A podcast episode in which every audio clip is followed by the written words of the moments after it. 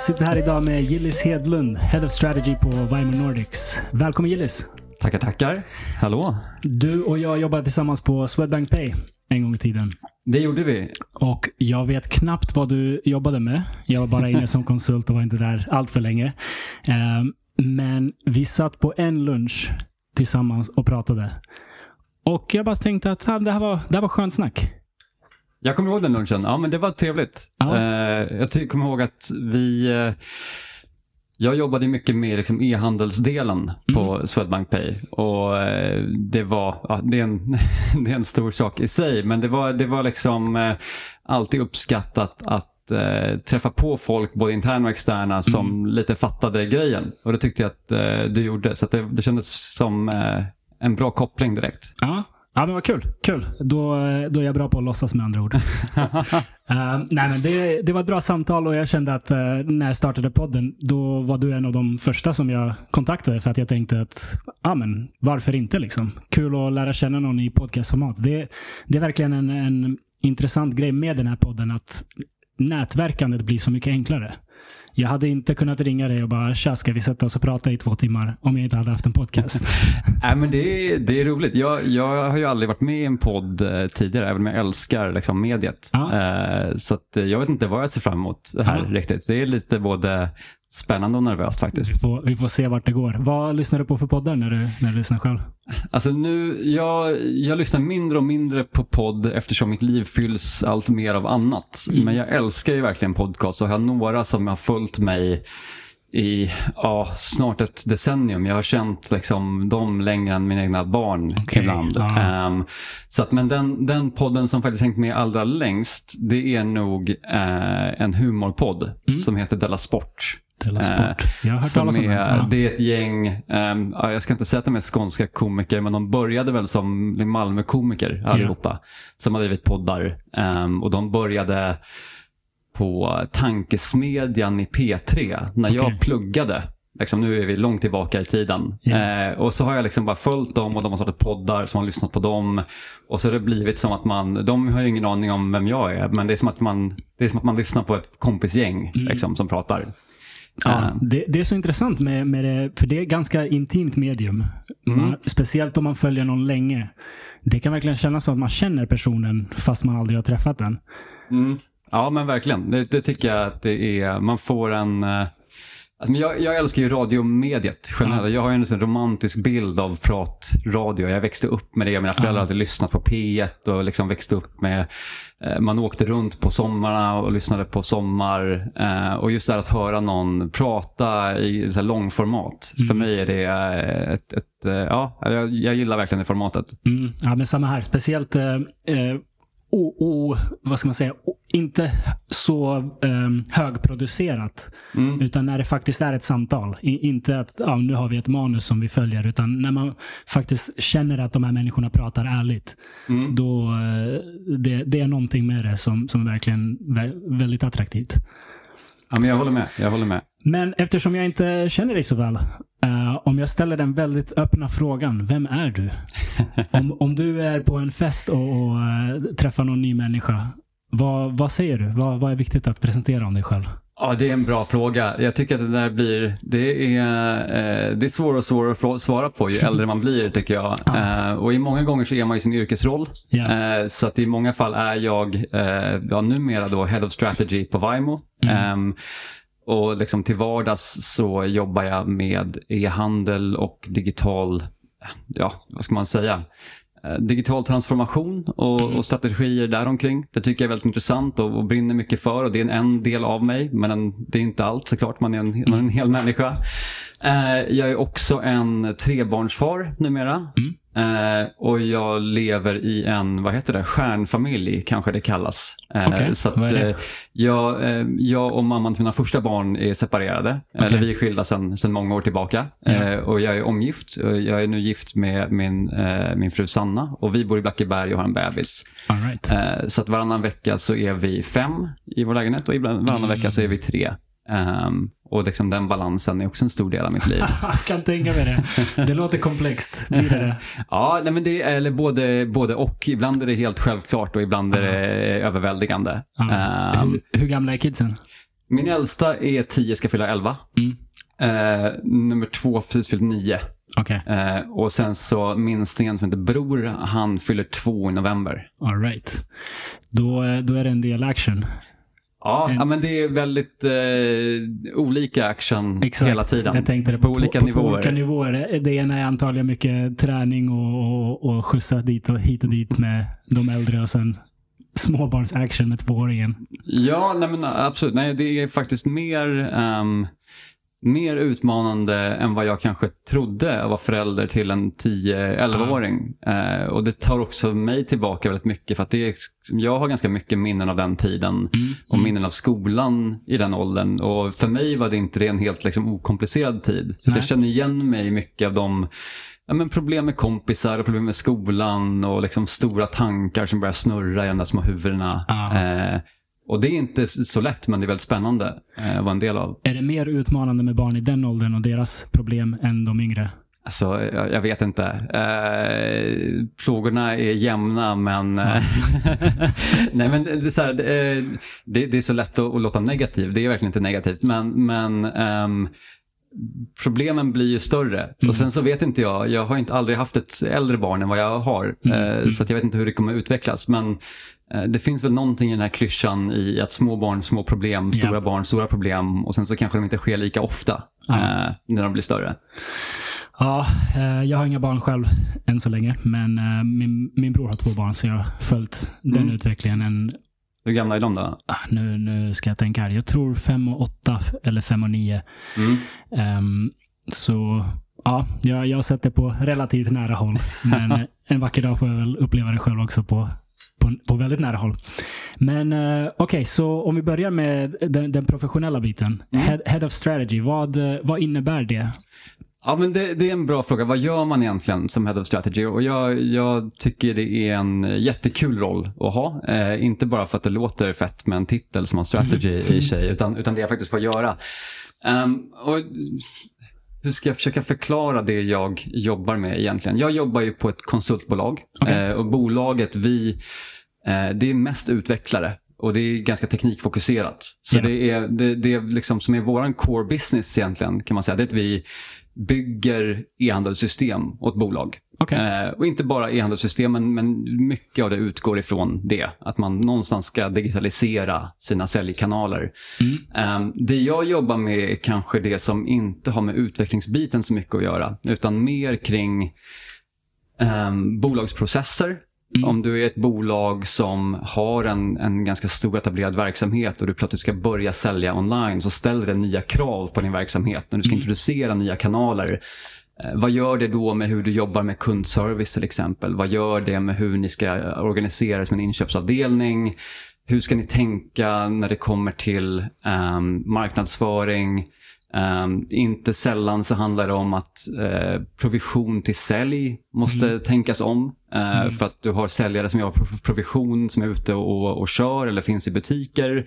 Vad händer då när man introducerar en digital kanal? Ehm, då kan det ofta ses som en, som en konkurrens liksom, med det befintliga bolaget.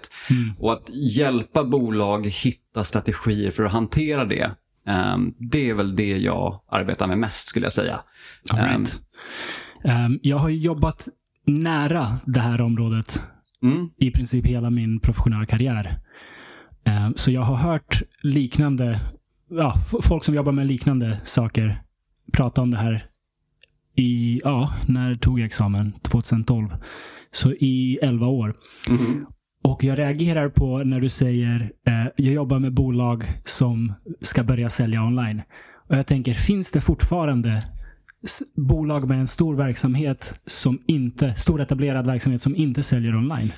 Ja, eller det, det är lite förenklat att säga att vi inte säljer online. Jag skulle säga att jag, jag, ehm, det finns absolut. Ja, Ja. det finns bolag som, som inte har någon verksamhet online. Och Ja. inte bara för att de inte du vet, är, är omogna, utan många har ju tagit ett aktivt beslut att inte göra det. Och det finns ju bolag i olika delar av värdekedjan som av någon anledning kanske inte vill sälja direkt till slutkonsumenter till exempel. Ja. Nu har ju nästan alla bolag, i alla fall i en viss storlek, de har ju något typ av digitalt flöde. Om det är liksom backorder eller om man, man beställer via EDI i affärssystem och sådär. Så det finns ju nästan inga bolag som inte är digitaliserade till någon grad.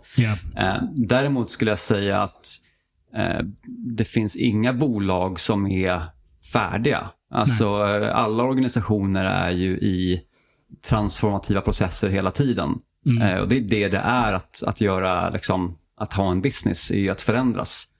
Eh, Och den förändringen kommer se olika ut beroende på ny teknik som introduceras eller nya krav från marknaden eller nya kundbeteenden eller nya krav från eh, andra inköpande organisationer och så vidare. Så det finns alltid sånt som håller på att utvecklas. Det kanske är mer rättvist än att säga att de inte har en e-handel för att någonstans har de flöden men de här flödena är ju ehm, de är aldrig klara. eh, Ja. Så att säga. All right. Vad är, vad är hett inom branschen nu? Är det, är det AI alla snackar om eller? Ja, ja, ja absolut. AI är superhett. Ja. Eh, för alla och ingen vet vad fan de snackar om. Eh, eller vissa vet såklart vilka de, de snackar om, men de brukar inte säga så mycket. Utan Ja. det är mest de som inte vet vad de snackar om som pratar mycket. Det, det uppmuntrar för mina lyssnare för jag har pratat om AI så många gånger på den här podden så vi vet vilken, vilken kategori jag hamnar i. Ja, men jag, jag, jag, alltså, det går inte att ha en diskussion eh, idag om liksom, digitalisering utan att prata om AI, men det är ju väldigt eh, konceptuellt. Alltså, Ja. Vi har gjort, nu vet jag inte hur många, men, men eh, säkert dubbelsiffrigt med workshops med våra kunder för att prata om hur det här kommer påverka deras affär, hur de kan utnyttja det, vad det är eh, och så vidare. Ehm, och det svåra med AI tycker jag, det är som med Precis som med metaverse eller med blockchain eller med alla de här liksom stora omvälvande teknikerna. Ja. Det är att du har någonstans en förståelse för att okej, det vi har att göra med här, det är otroligt omvälvande och nytt och det kan förändra allting i grunden. Mm. Eh, hur gör vi då? Aha, exakt. Eh, och då är det en svart låda. Hur ska Ja. vi implementera? Hur ska det här, hur ska vi kunna vara first movers? Eller hur ska vi kunna utnyttja det här? Och då finns det liksom applika, applikationer eller applicerbara sätt att använda AI idag. Till exempel. Det finns ju med allt ifrån att man använder det för att generera sitt content eh, eller optimera sin SEO eller eh, personalisera hur man visar produkter och så vidare. och så vidare. Men det, det, de är ju oftast ganska små liksom inboxade implementationer som gör att inget så här, det, det kommer inte vara helt, eh, vad heter det, disruptive liksom, för din verksamhet. Utan, utan det är iterativa små förändringar och det är Ja. kanske inte det man letar efter när man pratar om AI för att man tror att det kommer vara liksom ett big bang och så förändrar det allt. Ehm, och eh, jag tror att det handlar mycket om att man ehm, nu blir det en liten omväg till dit jag ska komma. Då. Men, men eh, jag, jag, tror att för mig när jag pratar med många av, av våra kunder så handlar det om att som, som strateg så tycker jag att det är väldigt svårt. En, en gång i tiden så kunde man säkert vara strateg och säga att okay, men vi ska utnyttja liksom den här trenden som är på väg. Hur ska vi positionera oss för den? Och så gör man en plan och så är den planen liksom på tre år. Eh, eller fem år eller tio år eller någonting. Och, och för länge sedan så kunde man prata om 50 år. Eh, och idag så tycker inte jag riktigt man kan göra det längre. För idag handlar det mycket om att det enda som är konstant det är att vi inte har en jävla aning om hur världen kommer se ut om sex månader. Eh, det kommer de här nya teknikerna, vi vet inte exakt hur de kommer implementeras. Eh, det kommer vara någon som knäcker den frågan och då måste alla hoppa på det tåget. Så det som särskiljer, det, det är i min mening i alla fall, liksom vinnarna från förlorarna i framtiden, det är framförallt flexibiliteten och möjligheten att agera på såna här, här saker och veta när ska man ta steget, när ska man hoppa på tåget, när ska man inte hoppa på tåget, när är det för sent, Ja. Ehm, när är det tidigt nog men inte för tidigt. Ehm, och det har i sin tur konsekvenser med hur man kan tänka kring att bygga upp sin, både sin organisation men också sin teknik Ja. väldigt mycket. För hur kan du bygga ett... eh, Jag pratar ju mycket om att liksom, e-handeln är ekosystem. Det handlar inte längre om liksom, ett system som gör allting, utan det är en, en massa system som samverkar för att bygga liksom, den digitala närvaron. Hur kan man sätta upp de systemen och, och den liksom, systemkartan på ett sätt som gör att när det kommer en ny teknik som AI till exempel, så kan du implementera den utan Yeah. att rycka upp allting vid rötterna och göra ett miljardprojekt liksom, för att göra ett, en testraket. Just det. Ehm, så hur kan, du, hur kan du scopa ner de här grejerna och hur kan du lansera någonting på tre månader istället för tre år? Ja. Eh, för mig handlar det väldigt mycket om det. Ehm, hur, liksom gör dig hur, hur gör dig förberedd på att hantera förändringar?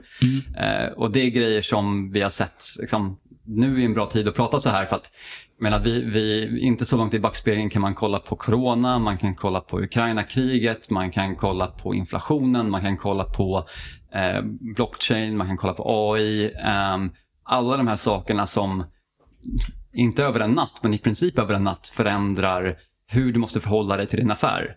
Eh, och hur snabbt kan du anpassa dig? Mm. Och de som, eh, de som kan anpassa sig snabbast, det är de som kommer hitta en edge och det är de som kommer klara det. Ehm, Intressant. Ehm, hur, I dagsläget, så, så som det ser ut nu, var har AI gjort störst skillnad? Är det i textproduktion eller i programmering? Var, var Ja, ser alltså jag du måste akta mig lite grann här, för jag är inte en expert på, Nej. på AI och jag vet att de som kan det här på riktigt, de, de eh, liksom kommer sucka åt mig nu. Men, men eh, jag vet inte exakt var gränsen går mellan AI och machine learning och liksom algoritmiska uträkningar egentligen. Utan för mig är det liksom lite grann en skala som det glider på. Ehm, och många som pratar om AI idag pratar ju just om det här liksom large language model, generativa liksom språk eh. Och, och den delen av AI, eh, den har väl gjort störst skillnad i, ehm, alltså i, i, i att generera content. Eh, och sen så har den gjort det på ett väldigt dåligt sätt på, i många fall. Ehm, men det finns, eh, det finns applikationer som kan spara väldigt mycket tid. Ja. Eh, och då tänker jag framförallt på grejer som översättningar eh, och eh, till exempel att kunna sammanfatta och optimera och använda det för sökordsoptimering. Inte själva textgenereringen men typ hur du genererar metataggar Ja. eh, och sådana saker. Där kan man ju se att det faktiskt appliceras och är användbart och sparar tid. Liksom. Eh, och sen en annan del, mycket är ju liksom inom marknadsföring eh, som vi ser applikationen. För att jag tror att man är rätt snabb inom marknadsföring och försöka snabb inom marknadsföring och försöka hoppa på de här trenderna. Så det handlar ju också om att till exempel optimera annonsering, Eh, och och liksom lära sig hur du ska använda liksom metas och alfabets algoritmer på ett så optimalt sätt som möjligt. Där ser vi väl ganska mycket appli- applikation. Det jag tycker ska bli mer spännande och det, jag inte, det har inte jag eh, så mycket erfarenhet av att se, men där tror jag att eh, det kommer bli otroligt påverka otroligt mycket, det är kanske i, i, i backend. Alltså när man tittar på supply chain och att optimera orderflöden och att liksom ehm, hitta eh, liksom lean-processer. Ja. När, när man på ett mer eh, tillgängligt sätt kan implementera AI för det, då, då tror jag att det kommer göra en stor, stor skillnad. Det är eh, minst sagt spännande tider. Mm. Det känns som att det händer väldigt mycket på den här fronten och som du säger, att kunna anpassa sig snabbt. Det, det kommer nog vara det viktigaste. Ja, men jag, jag tror också det. Eh, och jag menar, det, det har ju funnits inom, in, nu, nu pratar jag mycket om e-handel, men, men eh, inom många liksom, delar har det ju funnits applikationer av AI. I, man kan inte säga länge, men under ändå år. Liksom. Eh, och mycket av det som vi ser som har gjort väldigt stor skillnad, det är till exempel att använda AI för att optimera eh, merchandising, alltså personalisering av det när du loggar in på en hemsida baserat på ditt beteende, vart du har klickat ifrån, vad din intention Just det. var med det här klicket. Så visar man en sida som är optimerad för, för dig. Så att du ska kunna liksom utföra det, det arbetet som du ville göra på den sidan.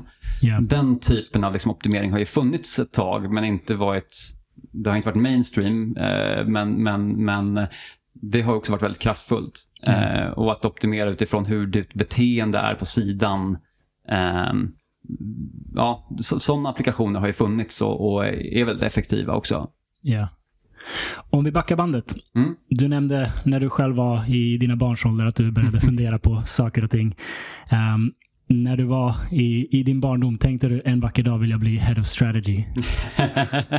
Nej, det har jag nog. Eh, jag har tänkt tanken, men inte som barn. Eh, mm. det, det, tror jag inte. Jag, jag, um, jag, ja, om jag tänker på vad jag ville bli när jag var tio så jag har något minne av att jag sa till mina föräldrar att jag ville bli advokat. Mm. Um, men jag visste nog inte exakt vad en advokat gjorde.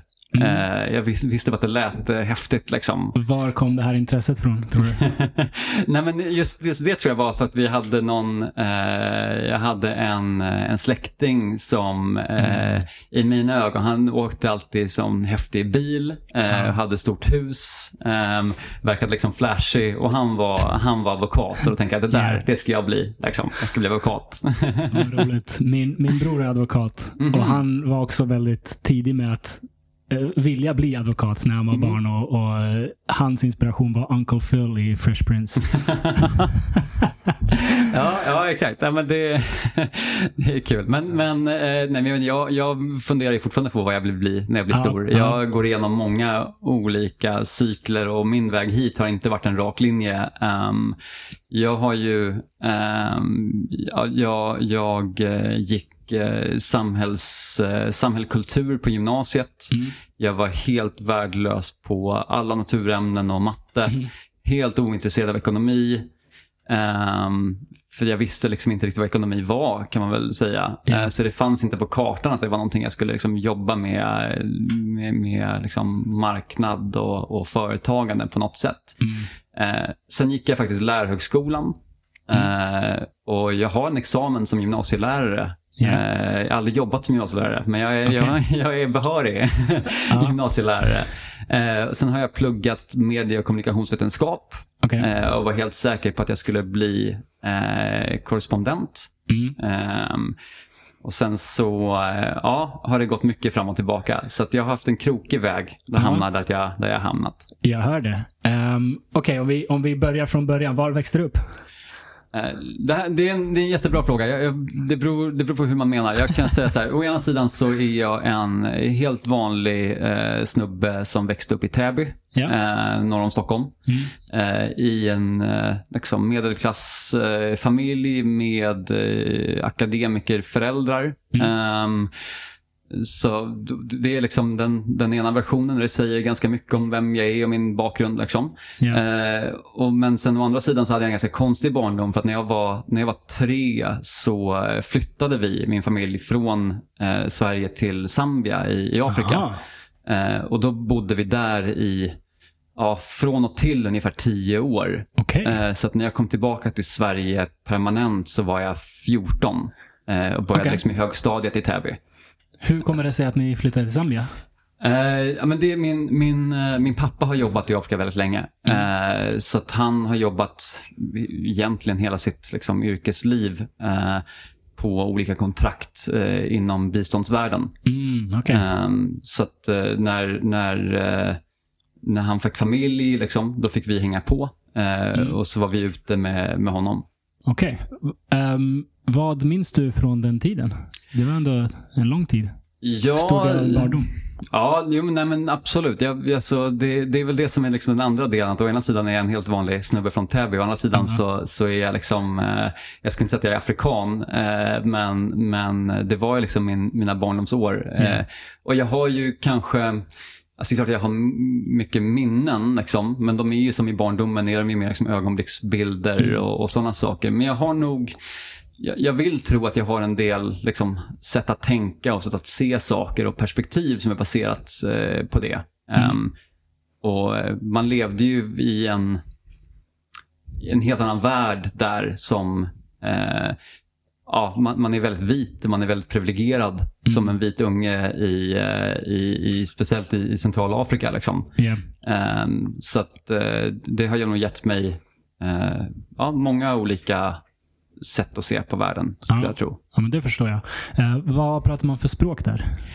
Det, det, är en bra fråga. Vi pratade engelska. Okay. Um, Och sen så när jag var riktigt liten så då är man ju så duktig på att lära sig språk. Mm. Så att då pratade jag ett språk som heter Nyanja, som är ett av lokalspråken som, som grannbarnen pratade. Yeah. Eh, men alltså, Afrika är ett spännande, en spännande kontinent eh, och, och det är ju, går ju tillbaka till liksom, hur engelsmännen delade upp den här kontinenten sinsemellan och ritade upp länderna och tog liksom, eh, egentligen en, en kompass och en linjal och, och ritade upp de här gränserna. Så jag tror att inom Zambia finns det jag säger säkert fel, men jag tror att det är 12 olika språkområden. Ja. Liksom, eh, olika stammar som inte har egentligen så mycket mer gemensamt än att de råkade vara nära varandra. Liksom. Ja. Så att det finns väldigt många olika språk. Ehm, Okej. Men jag tror att det är två språk som heter Nyanja och Bemba som är de två största språken där. Okej. Ehm, Hur är din Nyanja idag? nej, den, den, den är oexisterande. Attans. Tyvärr. attans. Jag, jag, jag tycker det är verkligen synd att jag har tappat det. Jag, jag, jag blir liksom stolt över lilla mig som kunde prata Ja. det. Men, men nej, nu, nu är den helt borta. Det, det är inte tyvärr. många träningstillfällen för Nyanja här i Stockholm. Nej, nej, tyvärr. Tyvärr. Okej, okej. Så... Det är liksom en sån dröm jag har. Att jag bara, tänk om jag fortfarande hade kunnat det. Jag hade snappat upp när de pratar Nyanja på tunnelbanan och kan hoppa Ja. in i samtalet. Det hade varit så jävla coolt. Men jag kan inte. Det grämer mig. Ja, jag förstår det. Uh, Okej, så Täby och Zambia, två väldigt olika världar. ja, ja, det kan man säga. Det kan man säga. Hur såg du på det här som barn? Minns du det? Ja, jo, nej men absolut. Att det, där, det där är någonting som, som påverkat mig fortfarande. Att jag, jag har ju, in, inte bara mellan Täby och Zambia, men alltså uppväxten som eh, ett barn som flyttar mycket. Ja. Gör att jag har ju, eh, alltså jag har gått i mer skolor än vad jag kan räkna till. Ja. Och det var inte ovanligt att man, man flyttade en gång om året eh, under en väldigt lång period. Eh, och just liksom eh, den här, eh, inte förmågan, men nödvändigheten av att anpassa sig till liksom ett nytt klimat där man hamnar. Det är nog någonting som jag fick lära mig liksom den hårda vägen eh, när jag växte upp. Så att jag skulle säga att när jag flyttade mellan, mellan den, den svåraste flytten var nog i slutet när jag var 14 tror jag eh, och kom tillbaka till högstadiet i Sverige. Mm. Då kom jag från en värld som var väldigt liten. Liksom. När man, man är eh, expat på det sättet så det. du vet, det fanns liksom, ehm, ja, men låt säga att det fanns eh, ett dussin svenska familjer som liksom vi eh, träffade på olika ställen i, i Zambia. Och vissa av dem hade barn och vissa av dem hade barn i ungefär min ålder och då vart man kompisar. Jag sa, ja, men vet ni två, ni, ni kommer från Sverige, ni är ungefär lika gamla, nu är ni vänner. Liksom. Ja. Och så var man det. Eh, och, så, och så fanns det bara en acceptans för det från alla, alla håll på något Ja. sätt. Eh, och att komma från det till Sverige när man hamnar i en högstadieskola med, det var inte en jättestor skola, men säkert 300-400 eh, pers. Liksom. Mm. Och behöva försöka lära sig att så här, okay, men här är man inte vänner bara för att man är lika gammal och man kommer från Sverige, för det har alla gemensamt. Här Mm. börjar det bli viktigt med så här, vilken musik folk lyssnar på eller vilka kläder folk har på sig eller eh, vilka sporter folk spelar. Och för mig var det liksom helt nytt, så jag fick försöka liksom förstå de här koderna Mm. med att, så här, men, okay, vad betyder det ehm, att man gör så här och vad betyder det om man gör så här? Och, och ha, det finns musik som är cool och det finns musik som inte är cool. Mm. Eh, och jag växte ju upp med att så här, men du vet, jag hade tre CD-skivor. Liksom. Det Ja. var Lejonkungen soundtrack, det var ABBA Gold och det var Creedence Clearwater. Liksom. Det var mina skivor som, som jag lyssnade på. Eh, och, och, och du vet, så kom man dit och sa, jaha okej, men det, det, liksom, det här är en hel värld som inte jag Ja. hade en aning om. Eh, det var, det var väldigt svårt för, för liksom en tonåring att försöka Mm, eh, komma förstår in det. i och anpassa sig till. Gud, att, att sätta sig in i alla sociala koder när alla andra har fått träna på det i 14 år. Det, Ja, det är ja men, tufft. och just det här med att då, då när man då hoppar från olika eh, kontexter, att, att bli Mm. ganska snabb på att identifiera, okej det här är det som är viktigt här, Ja. okej det här är det som är coolt här, utan att egentligen själv ha så mycket åsikt. Liksom. Mm. Att säga, okej men här är det coolt med, med ehm, liksom Metallica, okej då får jag liksom lyssna in på vad är Metallica, okej men då förstår jag varför de tycker det är coolt, då kan jag tycka det är coolt. Man tappar sig själv lite grann i det där, men, Mm. men man blir också lite mer av en ja, kameleont kanske. Det, det låter ju väldigt eh, analytiskt och rationellt när du berättar om det nu. Var det så det kändes då också eller var det bara gud jag passar inte in vad jobbigt det här är? Ja, men det var väl både och. Jo, nej, men det var jättejobbigt eh, i perioder. Mm. Eh, just där och då så tyckte jag nog mest det var skit faktiskt. Eh, Mm. Idag så är jag eh, väldigt nöjd eller liksom väldigt glad över att ha fått en erfarenheten. Ja. För att jag tror att det har hjälpt mig på många andra sätt. Men det var ett stålbad, eh, det var det. Mm. Hur lång tid tog det innan du kände att okej, men nu, nu känner jag mig hemma i den här miljön? Ja, det tog länge. Eh, jag skulle säga att jag kände mig väl liksom att jag hittade mig själv lite mer eh, kanske under gymnasietiden, slutet av gymnasiet. Så kände jag att jag liksom, eh, då, då hade jag liksom hittat lite mer liksom, min självkänsla och mina vänner och, och en liksom, identitet eh, lite mera. Men det tog lång tid. Liksom. Jag var väldigt. Väldigt sökande, eh, Ja. ska jag säga. Ja, och det, det är väl alla i de åren, men det låter som en, ett extra lager av sökande. Ja, jag har nog alltid varit ganska sökande. Alltså det Ja. kan vara fortfarande. Eh. I, I vilken bemärkelse känner du att du fortfarande är sökande? Nej men som jag sa, jag, jag vet ju fortfarande inte vad jag ska bli när jag blir stor. Mm. Liksom. Eh, det, det är... ehm, jag... jag eh, vissa människor har ju en förmåga att ha liksom en, en plan och en idé och ett ideal och att man ska Mm. liksom, så vet, när jag, det, och det kan vara väldigt liksom Vet, jag ska ha ett jobb och en bil och, ett, och en fru och Mm. barn. Liksom, eller så. Men jag har aldrig liksom haft en sån ett idealbild att jobba efter. Utan jag har på något sätt bara drivit dit, eh, Mm, mm. dit strömmen tagit mig. På något sätt. Jag, jag är exakt likadan och jag nämnde ju min bror. Han visste ju från tidig ålder att han ska bli advokat och sen blev han det. Mhm. Så jag, jag trodde ju länge att det var något fel på mig. För att jag inte hade en liksom, bana, en vision. Det är här jag vill hamna. Mhm. Och jag, jag är likadan. Jag har, kan väl inte påstå att jag vet vad jag vill hålla på med eh, professionellt heller. Jag blev copywriter och nu håller jag på med podcast. Tycker det är askul och ja, ser liksom vad, vad, vad det blir av det hela. Men Och- det är ju mer intressant, är det inte det? Man får Ja, intala sig själv det i alla exakt. fall. Man Alltså, hamnar nu- på intressantare nu- platser när man inte vet vart man ska. Nu är jag ju jätteglad över att jag är som jag är. För jag tycker att det ger en viss frihet att utforska, testa, se vad som händer, hitta det du verkligen tycker är kul. Mm. Eh, Men fram tills jag var säkert en 23-24 så tyckte jag, vad, är det för fel på mig? Varför kan jag inte som min bror du vet, hitta det här vad jag vill göra och sen gå åt det hållet. Eh, men det är väl lite lillebrorskomplex. Han är tre och ett halvt år äldre så jag kände väl att det där är vägen man ska ta. Men jag är supernöjd med att det blev som det blev för min del. Ja, men har du, har du kvar det då? Kan du fortfarande liksom eh, vänta på att en dag så ska du få veta vad det är? Eller har du landat Nej. i att du inte kommer veta? Nej, jag, jag har landat i att jag inte vill veta. Mm. Jag, den här frågan, var ser du dig själv om fem år och, och sånt där. Det, Mhm. jag är helt ointresserad. Helt ointresserad. Jag, jag, jag bryr mig inte. Så länge jag är nöjd och glad med livet, så länge jag är nöjd och glad med det jag håller på med. Är jag inte det, men då gör jag någonting annorlunda. Det, Mm. det är min inställning. Så Mm. jag är väldigt glad och tacksam över att vara, eh, ha den flexibiliteten idag. Ja, ja, absolut. Absolut. Nej, och det är ett privilegium ju, att Mm. kunna göra så. Det är ju väldigt få platser i världen egentligen där man kan leva på ett sånt Mm. sätt och ändå ha det ganska bra. Mm. Ehm, Och jag, jag tror inte det passar alla heller. Jag tror att många tycker om att ha tryggheten och att okay, men jag är utbildad till lärare eller läkare och det är vad jag ska hålla på med. mm, Och så blir det enkelt. mm, För det kräver ju lite mer ansvar på en själv om man nu inte har en utstakad bana. Att men jag testar det här, jag testar det där. Då, då hänger det lite mer på en själv att göra det bra. mm. Ja, och det, men det kräver ju ett, ehm, det kräver ett självförtroende också. Mm. I att man eh, utgår ifrån att eh, jag vet inte vart jag hamnar, men där jag hamnar så kommer det säkert gå bra. Mm, mm. Hur hamnade du på lärarspåret då? Var det det du började plugga först efter, efter gymnasiet? Ja, ja exakt.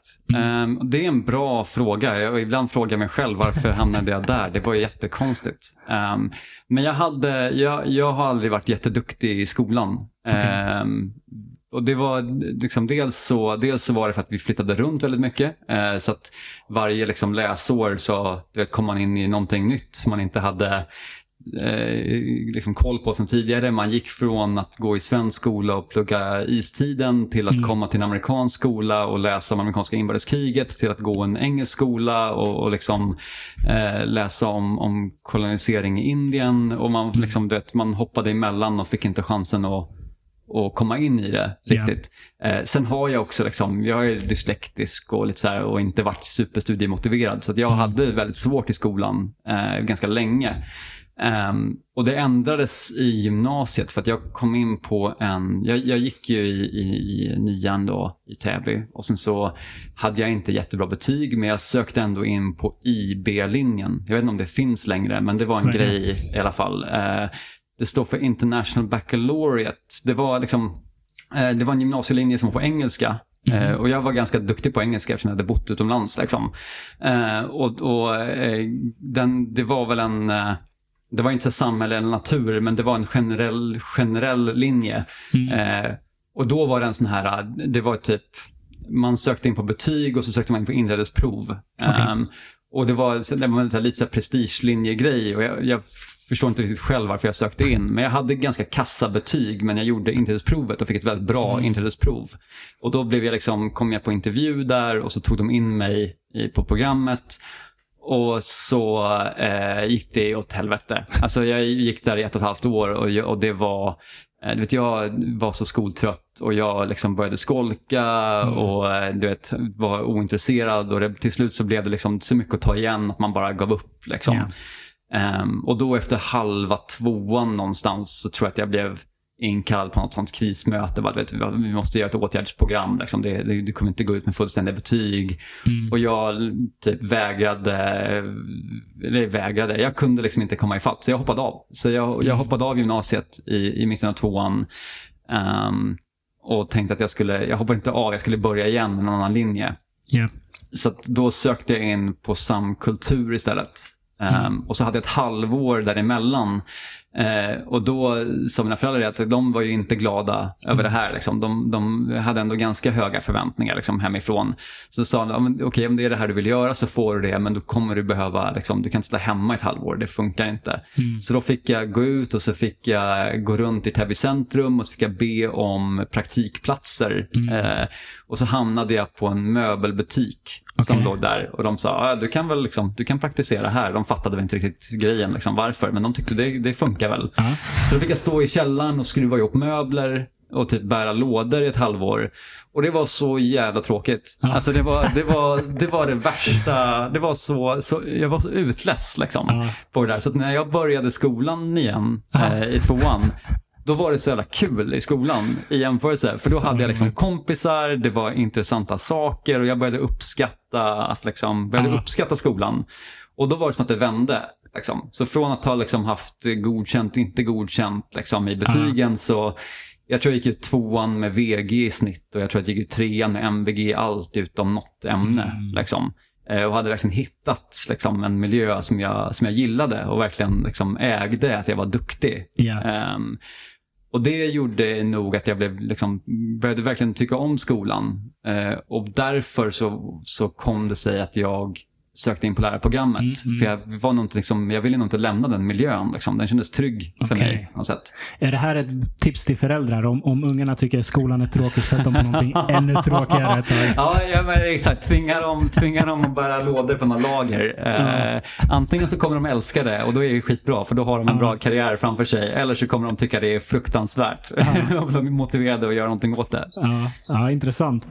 Um, Okej, så det blev lärarhögskolan direkt efter gymnasiet, eller? Mm, ja, ja, precis. Och jag, som sagt, det, det var, jag flyttade till Malmö då Mm. för att jag tror att jag ville bara liksom bort ifrån allt och söka, jag ville ut i världen på något sätt och då var Malmö det längsta jag kunde komma på att jag Ja. kunde ta mig. Världens ände. Ja, exakt. Så att jag flyttade dit eh, och bodde där i, ja, det, det blev några år liksom. Ja. Så att jag, jag, jag gick, eh, jag blev gymnasielärare i engelska och sen så skulle man söka ett andra ämne och då någonstans efter typ, alltså det är fem och ett halvt år den linjen, den är ganska lång. Oj, okej. Eh, och någonstans efter typ tre år så började jag förstå att men jag vet inte om jag vill bli lärare. Liksom. Mm. Men nu har jag investerat tre år i det här, jag kan inte Ah. bara släppa det, eh, tänkte jag för mig själv. Ja. Ehm, och då när man läser på lärarskolan så läser man till två ämnen. Eh, Så då valde jag, istället för att läsa liksom engelska svenska eller engelska historia som alla gör, så valde jag att läsa mediakunskap som mitt Okej. andra ämne. Så då, då eh, hamnade jag i Lund och pluggade det. Ehm, och det var skitkul. Det var verkligen så, då, då hittade jag igen, så det här Mm. var ju det jag vill göra. Liksom. Och då ville jag bli antingen jobba med reklam eller bli journalist. Mm. Ehm, och och liksom hitta att det här var liksom det roligaste man kunde, kunde hålla på med. Mm. Um, Och vad hände då? Blev det blev det, det spåret eller? nej, nej, det blev inte det spåret. Eller jag vet inte, jag har, ju liksom, jag har ju med mig, jag är ju väldigt glad för att jag tog de här snedstegen för att jag har ju med mig väldigt mycket i min, i min roll idag från det här. Jag, jag Ah. tycker att lärarutbildningen var en fantastisk utbildning för vem som helst som ska jobba Ah. med, med människor. Liksom. Eh, och jobba, jag har ju jobbat mycket inom försäljning och jag tror att det är den bästa liksom, säljskolan jag har gått i, har varit lärarhögskolan. För att det finns ingenting svårare än att försöka sälja in liksom, engelsk grammatik på 14-åringar. Just det. Eh, det, det, det är den svåraste säljaren du kommer kunna göra. Eh, Men sen så började jag plugga media som sagt och eh, sen så träffade jag min numera exfru och eh, vi hade det rätt knapert. Hon flyttade hit från USA så då började jag jobba parallellt med det och då fick jag ett jobb på en liten e-handelsbyrå som Mm. ligger i Malmö och jag kunde ju ingenting om, om e-handel. Liksom. Eh, men fick börja jobba där, ringa lite, lite samtal och, och liksom vara liksom ordermottagare Ja. lite grann. Eh, samtidigt som jag skrev mitt examensarbete på lärarhögskolan. Mhm. Ehm, och då när jag gick ut, då, var jag, då hade jag haft min praktik på lärarhögskolan på en skola i en Malmöförort som var, det var inte Rosengård, men det var en grann stadsdel till Rosengård. Mm. Ehm, och det var så jävla tufft. Och jag kan tycka att så här, det, det, ehm, det var inte tufft på grund av barnen. Det, det var tufft på grund av barnen, men det var en tuffhet som, som jag ändå kunde uppskatta. Mm. Men det var en sån otroligt deprimerande eh, liksom lärarkår att jobba med. Mm. Det fanns några eldsjälar och det, det finns jättemånga duktiga lärare såklart. Liksom. Mm. Men det fanns också en stor massa av folk som man, vet, man träffade dem på, i, i, i lunchrummet och liksom energin var att vet, de satt bara ut tiden. Liksom. Ja. Det, var, det, var, det, var, uppgivet och det var deprimerande och allt var skit och ingenting fungerande. Ja. Och de gillade inte barnen och allt var fel. Och du vet, så här, att gå till ett jobb varje dag där allt bara är dåligt, Ja. kände jag att jag blev, liksom, jag blev helt förstörd av det. Så Såklart. jag kände att men jag, kan inte, jag kan inte vara i den här miljön. Liksom. Mm. Så när jag tog examen så fick jag ett erbjudande om att jobba där på den skolan. Mm. Och samtidigt fick jag ett erbjudande att jobba heltid på det här e-handelsbolaget som jag hade varit på. Ja. Och då tror jag att jag fick kanske tusen spänn mer i lön på e-handelsbolaget än som lärare. Ja. Eh, och då var det så lätt att tacka ja till det. Ja. Så då började jag jobba där. Och det Alright. var liksom min det var min skola eh, när det kommer till liksom, affärer och e-handel och entreprenörskap och, och digitalisering och, och allt det lärde jag mig under de liksom, fem åren på det här bolaget som heter Nordisk e-handel. Okej. Eh, och de, eh, det var ett litet bolag. Jag tror att jag var, ja, men, jag var liksom nionde anställda eller någonting Mm. sånt. Eh, och, och eh, ägarna där och cheferna där verkligen eh, var väldigt duktiga på att liksom coacha in mig Ja. i det. Och jag fick ta ganska stort ansvar och efter liksom fem år så var jag säljchef för det bolaget. Ehm, och ja, men det, det var verkligen en, en, en skola för mig. Mm. Är det likartad verksamhet som det du håller på med nu? Alltså hjälper företagskunder med e-handel? Eller? Ja, men det kan man säga, men på en annan skala. Så det Okej. här var, när var vi, när är vi nu? 2009 kanske. Mm. E-handeln är fortfarande ganska liksom ny och, och, och en ganska outforskad. Eh, och de flesta som jag jobbade med då, eh, det var ju liksom ehm, Nej, men du vet, jag är mammaledig och jag tycker om att sticka strumpor och jag ska sälja dem och jag gör det på nätet så då kan jag ringa det här bolaget så får man en hemsida för 200 kronor i månaden Mm. och så kan man liksom sälja det. Ehm, och det är lite kul att tänka tillbaka till för jag kommer ihåg att jag hade en sån, jag, hade en, en, jag jobbade med många sådana bolag och sen var det några större. Och sen så kommer jag ihåg att jag, jag jobbade med en kund som de hade ett väldigt specifikt behov. Liksom. Det skulle funka på ett visst sätt och vi var tvungna att göra om systemet för att det skulle funka som de ville och det skulle liksom designas om. Och vi satt där och liksom, hur fan ska vi lösa det här? Liksom? Och då, ja, men det går att lösa. Vi tog in programmerarna och så liksom, fan, det, det här kommer ju ta Oh, det kommer ju ta liksom 100 timmar. Fan, det, det här kommer ju aldrig, det kommer ju kosta liksom 100 000. Ja. Det, jag, kommer få, alltså jag måste ju ringa dem och säga att det här kommer kosta 100 000. Hur ska de liksom, de kommer ju skälla ut mig, känner jag. Ja. och så ringde jag och sa det och de bara, jaha okej, men det låter, det låter rimligt liksom. Aha. Eh, och, och jag köpte det. Och jag bara så här, jag fattade inte att det var liksom möjligt på något Ja. sätt. Och nu känns, det, nu känns det så himla kul för att jag menar, nu har vi, vi jobbar ju med kunder som lägger kanske ja, men de, någonstans i snitt, ja, kanske 5, 10, 15 miljoner om året lägger de på sin e-handel i utvecklingskostnad. Liksom. Och, Ja. och det är bara ett, liksom ett faktum av hur man gör business idag. Gamla goda tiden va? Ja, ja men det var verkligen, jag kommer, vi, vi sålde liksom designpaket och det var liksom, då fick man liksom crème de la crème. Det kostade 9000 spänn. Aj, aj, aj. och vi, vi, ja, och vi tyckte vi tog ifrån tårna liksom. Ja, ja. Gud vad lustigt. Vad, vad snabbt det har gått ändå. otroligt, otroligt. Vad är det nu? 2023? Det är, det är 14 år sedan som det såg ut så alltså. Mm.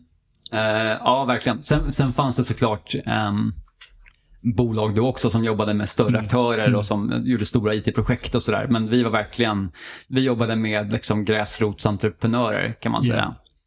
Så, så vad med den här branschen tilltalade dig? Vad, vad gjorde att du kände att okej, men nu har jag hittat mitt spår här? Ja, men det är, en, det är en jättebra fråga. Jag tror att Alltså jag har ju alltid, jag, jag har funderat på den här frågan mycket för att jag, jag är inte en så här, äh, jag kan inte säga att jag älskar kommers liksom, eller älskar att sälja saker och mycket av det man liksom, eh, mycket av det e-handeln gör är ju grejer som liksom rent moraliskt så kan jag ha liksom tveksamheter kring det. Eh, Allt ifrån liksom Alibaba och Wish till att liksom vi bara driver på en konsumtion i samhället och, och så vidare. Och det, mycket av det där är liksom lite svårt då, tycker jag att ta ställning till. Men det som jag verkligen gillade då och gillar fortfarande med e-handel, det är att det är en underdog. Liksom. Mm. Eh, att, att man alltid behövde man behöver alltid slåss mot någonting som redan är etablerat och stort och komma in underifrån och bevisa att någonting nytt fungerar. Och det, det handlar inte bara om, om e-handel såklart, men det handlar om all typ av förändring och transformation. Eh, och det tycker jag är superspännande. Jag gillar ju tanken på att så här, äh, världen är ju hela tiden i rörelse och omformbar. Och, och flöden går fram och tillbaka. och ehm, Just den, den att, att jobba i liksom, digitalisering är på något sätt att kunna vara på första parkett när man förflyttar flöden och beteenden Mm. på ett sätt. Och det tycker jag är jättespännande och verkligen en förmån att få, få jobba med och, och tänka på. Men okej, om världen inte ser ut som den gör nu, hur kan den se ut? Hur skulle vi kunna göra annorlunda? Mm. Det, det tycker jag är otroligt spännande. Mm, jag förstår det. Är, är det fortfarande så som du säger det här med att man är en underdog? Det känns som att e-handelsvärlden också har blivit, ja, jag vet inte vad ordet är för det, men att några stora bolag tar över som det generellt blir i de flesta branscher. Ja, Jag det beror på hur du Alibaba, ser och de det. Ja, alltså, ja, det är annorlunda idag än vad det var då. Alltså, då kunde du ju, om du hade, hade du lite pengar och en bra idé och, och, ville jobba hårt, Mm. så kunde du ändå komma in och etablera liksom en dominans i en, i en vertikal Mm. eh, på något sätt. Eh, det, det hände ju flera gånger. Liksom. Eh, och du fick bolag som Zalando och de, de här typerna av bolag som inte funnits så länge ändå, som bara liksom tagit över eh, en, en, en, en hel, liksom, eller skapat sig en marknadsnisch som inte fanns förut. Mm. Och det blir svårare och svårare ju mer mogen marknaden blir. Eh, för att då liksom, ju mer ju mer pengar som finns, ju fler aktörer som finns, eh, desto mer liksom, mognare och ju, ju mer liksom, segt blir det här systemet. Och det, det går Ja. inte lika snabbt längre. Däremot så finns det ju fortfarande väldigt många ehm, delar av verksamheter som eh, kan förändras och kan optimeras och kan, kan revolutionera, revolutionarisera, rev, revolution, Revolutionera. revolutionera hur man, hur man arbetar. eh, så att, jag menar, till exempel stora tillverkande företag Ja. som kanske inte har någon direkt försäljning ut mot kunder. Mm. Eh, hur kan de etablera en direktförsäljning till slutkunder? Och det, det här pratar jag väldigt mycket om i liksom min professionella roll. Att det, det handlar kanske inte så mycket om eh, hur mycket du kommer sälja eh, till dina kunder. Men vad betyder det att ha en direkt kanal till marknaden med en feedback in från slutanvändarna för dina produkter. Så minst det är filtrerad genom dina återförsäljare till exempel.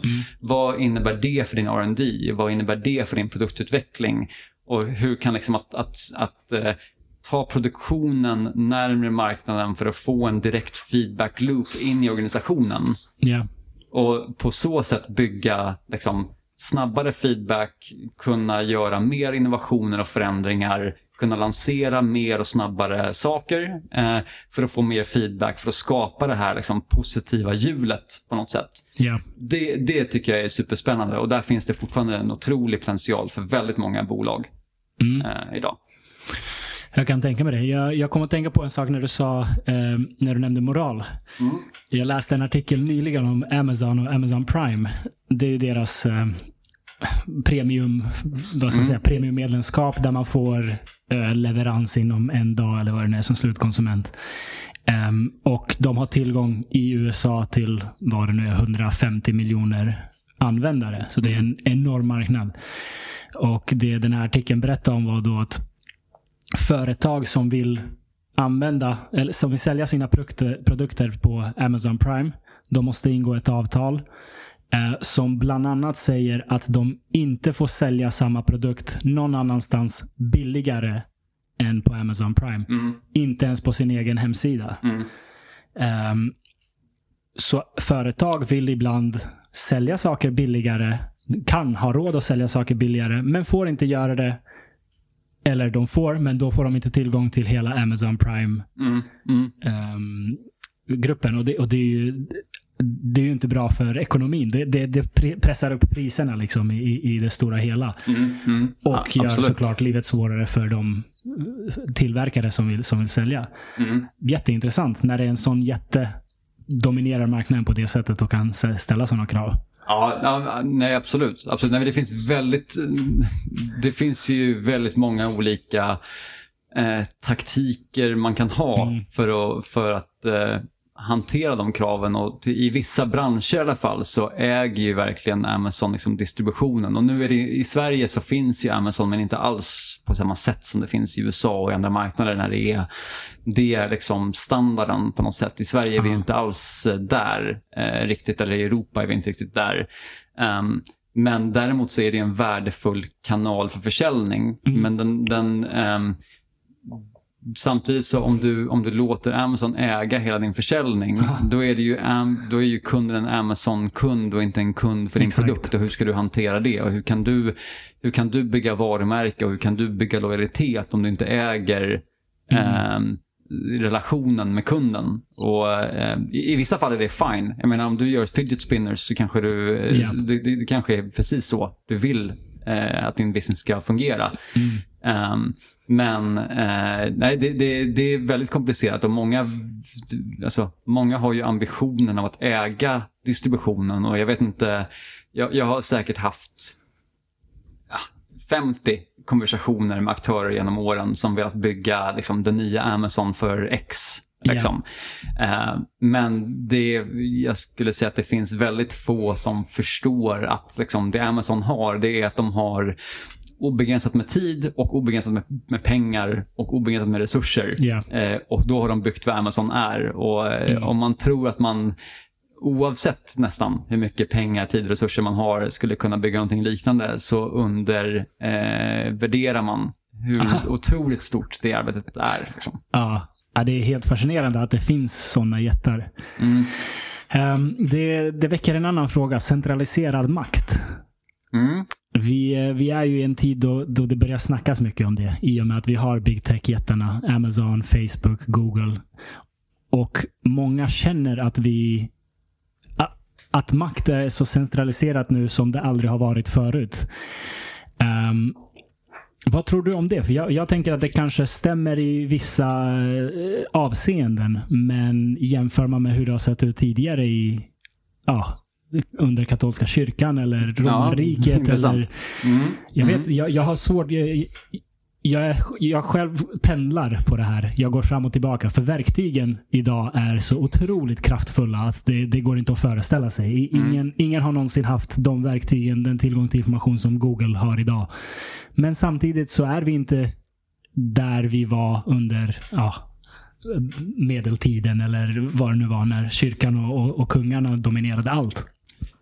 Ja, det är en, det är en eh, väldigt intressant fråga. Jag, jag, jag, tycker om din, din jämförelse med kyrkan och med liksom, eh, stora stater. För att på något sätt är det ju så att de, eh, till stor del i alla fall, så behöver man förhålla sig till dem som supermakter mm. eh, idag. Inte minst om man gör affärer såklart. Mm. så, um, det fanns ju en period när det var många byråer som jobbade med, med annonsering till exempel som jobbade på att bygga egna liksom, annonsalgoritmer och tävlade om vara bäst på det. Och jag tror att numera existerar det knappt som koncept utan konsensus mm. är att det kommer aldrig gå att bygga bättre algoritmer än vad Meta har gjort eller, eller, eller vad Meta kommer göra mm. eller, vad, eller vad Alphabet gör och kommer göra.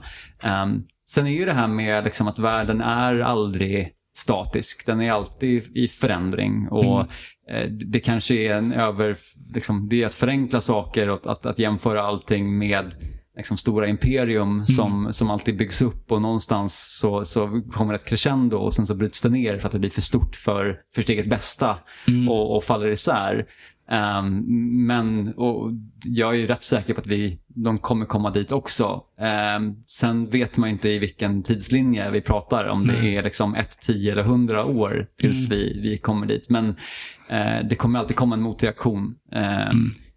Men, men man får ju också tänka på att som i, i, i de flesta fallen så är det ju, de är ju så stora för att företagen har möjliggjort det. Yeah. Uh, så det är ju inte Googles fel att de är stora. Nej. Eller fel, det är, inte, det är inte Google som gjort sig stora. Nej. Utan det är, ju, det är ju du och det är andra bolag som har annonserat på deras plattform mm. eh, och gillar deras produkt som gör att de är stora. Mm. Och så länge de eh, levererar bra produkt så kommer folk rösta med sina plånböcker och då kommer de fortsätta växa och, mm. och, och, och vara dominanta. Och tills ja. folk liksom hoppar av. Um, och det ser vi väl ingen tendens att det... de gör idag. Det, jag instämmer tills saker händer som det här med Amazon till exempel. När mm. de manipulerar marknaden så att det inte längre är eh, att man bara röstar med sin plånbok. Utan de stänger ute konkurrenter. Och det, ja, och det är risken med alla som fria... är bra, bra nog. Liksom. Jo, nej, jag håller med. Samtidigt så tycker jag att alltså, idén om en fri marknad har ju alltid varit en myt. Liksom. Det, det, det, tycker jag nog. att alltså, en, en, en, Den här liksom, eh, Adam Smiths liksom, ekonomin med att det finns en osynlig hand som reglerar allting. Mm. Det är ju en utopi som aldrig är stämt för att det handlar om makt och det handlar om vem eh, eh, påverkan och mm. rädsla och en massa andra faktorer som, som, eh, som styr den här marknaden mer än mm. bara liksom, optimering. Det är lite, lite för liksom, eh, nationalekonomiskt att tänka på att det bara är, mm. bara är så det, det, det sker. Um, men jag tror samtidigt att det kommer fortsätta vara så tills det blir ekonomiskt ohållbart och att det kommer komma mm. nya modeller som är bättre. Yeah. Eh, och blir Amazons modell tillräckligt dålig eller tillräckligt eh, negativ för företagen, då kommer de hoppa av. Mm. Och då kommer Amazon tappa sina intäktskällor och då kommer de eh, stuva om mm. eh, och, och, möta det. Um, och då kommer det förändras. Och det gör det ju liksom på daglig basis hela tiden. Bara att det, det är för små förändringar i, en, i, yeah. i, det stora för att man ska se det liksom, yeah. framför sig. Jag är generellt eh, optimistisk. Jag tror människans historia kan beskrivas som en eh, evig kamp mellan centraliserad och decentraliserad makt. Mm. Att vi är ett djur som är duktigt på, duktigt på att manipulera sin omgivning. Både fysisk men också kulturell och, och ekonomisk och så vidare. Och vissa av oss är bättre än andra. Och de som är bättre på att uh, forma sin omgivning kommer bli de som är rika och inflytelserika. Och en gång i tiden var det liksom kungar eller kyrkan eller vad det nu må vara. Och idag är det företag, banker och uh, de, de, som har inflytande i samhället helt enkelt. Mm. Um, det, det, men det är intressant att se liksom vad Uh, jag, jag har inte riktigt tänkt i de här banorna tidigare, så det är intressant. Jag har ingen, ingen mm. superanalys, men när du säger det så, så uh, tycker jag det är intressant att, att, att, tänka på att vad... Om centraliseringen är konstant så att säga, att det kommer alltid finnas någon aktör mm. som, som har en, en, en makt, liksom, eller den, den, den största makten i samhället och, och det kan gå då mellan eh, ja, men kyrka, stat, eh, banker och institutioner till vad som idag då är kanske big tech. Mm. Um, finns det en... Um, alltså hur, hur förändras samhället baserat på vilken aktör det är som har makten? Liksom? Mm. Finns det ett Mm. bättre och ett sämre? Är det, är det bättre att, att leva i ett samhälle som kontrolleras av, av big tech än av katolska kyrkan? Um, vi har ju liksom inga inkvisitioner idag Ja. i och för sig. Samtidigt så har vi ju liksom folkmord i Myanmar som Mm. inte skulle hänt om det inte var för Facebook. Ja. Um, men, men eh, Det, jag tror att det är omöjligt att svara vilket som är bäst. För jag tror att tiden måste få utvisa det. mm, Ehm, det var uppenbarligen inte jättebra när katolska kyrkan dominerade världen. Det hände en massa hemskheter. Men på många sätt blev saker och ting antagligen bättre i början. När det gick över från romarriket till katolska kyrkan så var det säkert mycket som blev bättre för gemene man.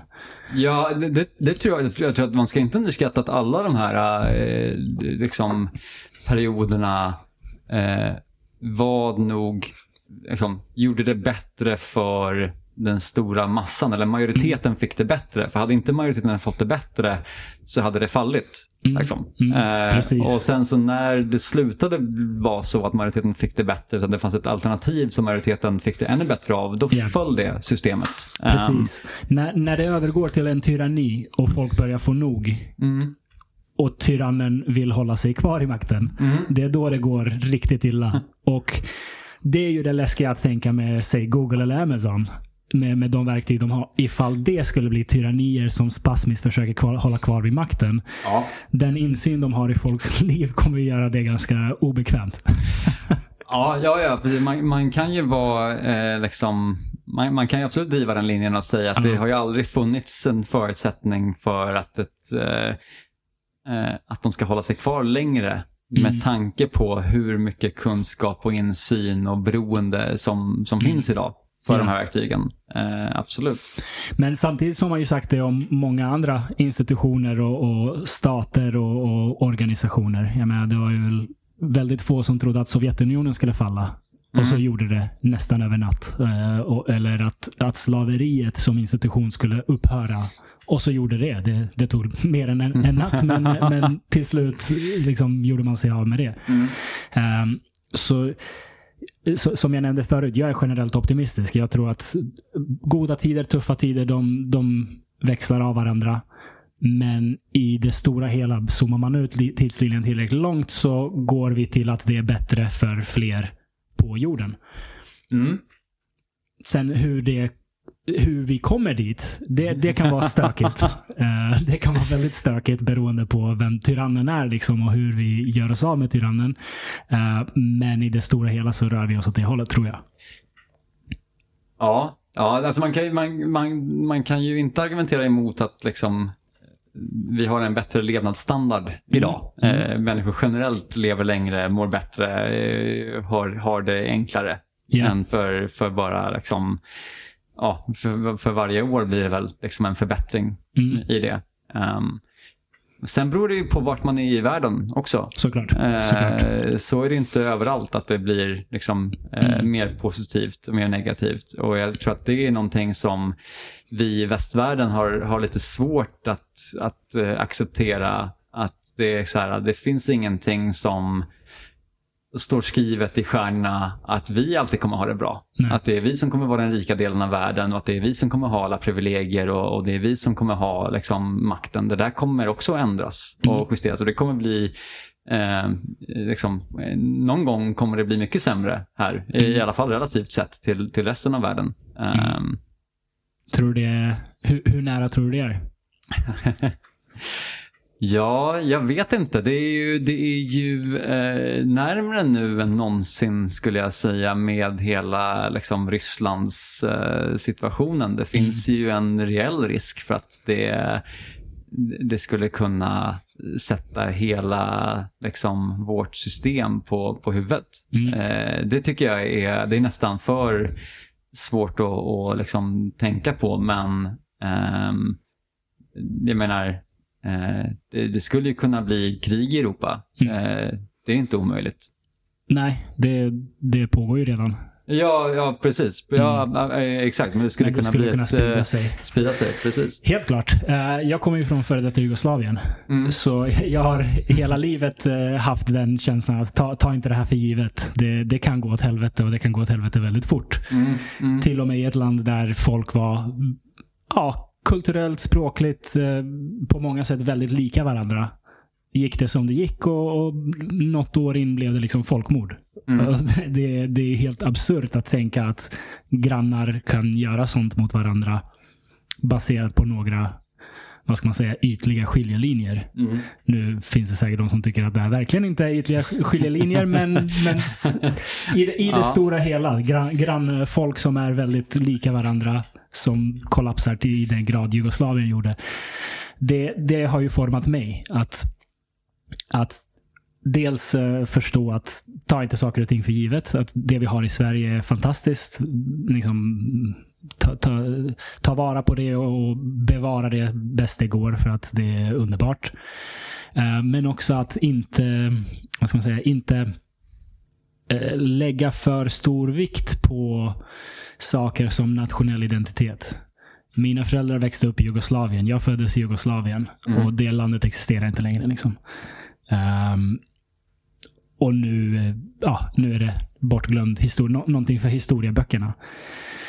Så de här sakerna ändras. Gränser ändras. eh, ja, vad ska man säga? Statsskick ändras. Allt, allt kan ändras. Så ta inte det för seriöst utan jobba för en godare värld med, med de omständigheterna man har runt omkring sig. Mm. Ja, nej, men det är intressant. Och så här, vad är... ehm, man vet ju aldrig vad rätt är förrän i Ja. efterhand. Eh, Mm. På något sätt. Det är först när det har hänt som man vet om det var bra eller dåligt. Mm. Så att eh, vi går alltid, alla ändå omkring som huvudlösa kycklingar och bara gissar Mm. dagarna i ända. eh, Mm. Liksom. Men tror att vi vet precis hur allting ska hända. Ja, verkligen, verkligen. Ehm, ja, nu, nu eh, spårade vi ut lite här, men det, är- men det är bara kul. Kul att sväva, sväva iväg. Um, Okej, så e-handelsspåret är det du har, du har hållit dig på sedan du hamnade på, vad heter det nu, svensk no- e-handel?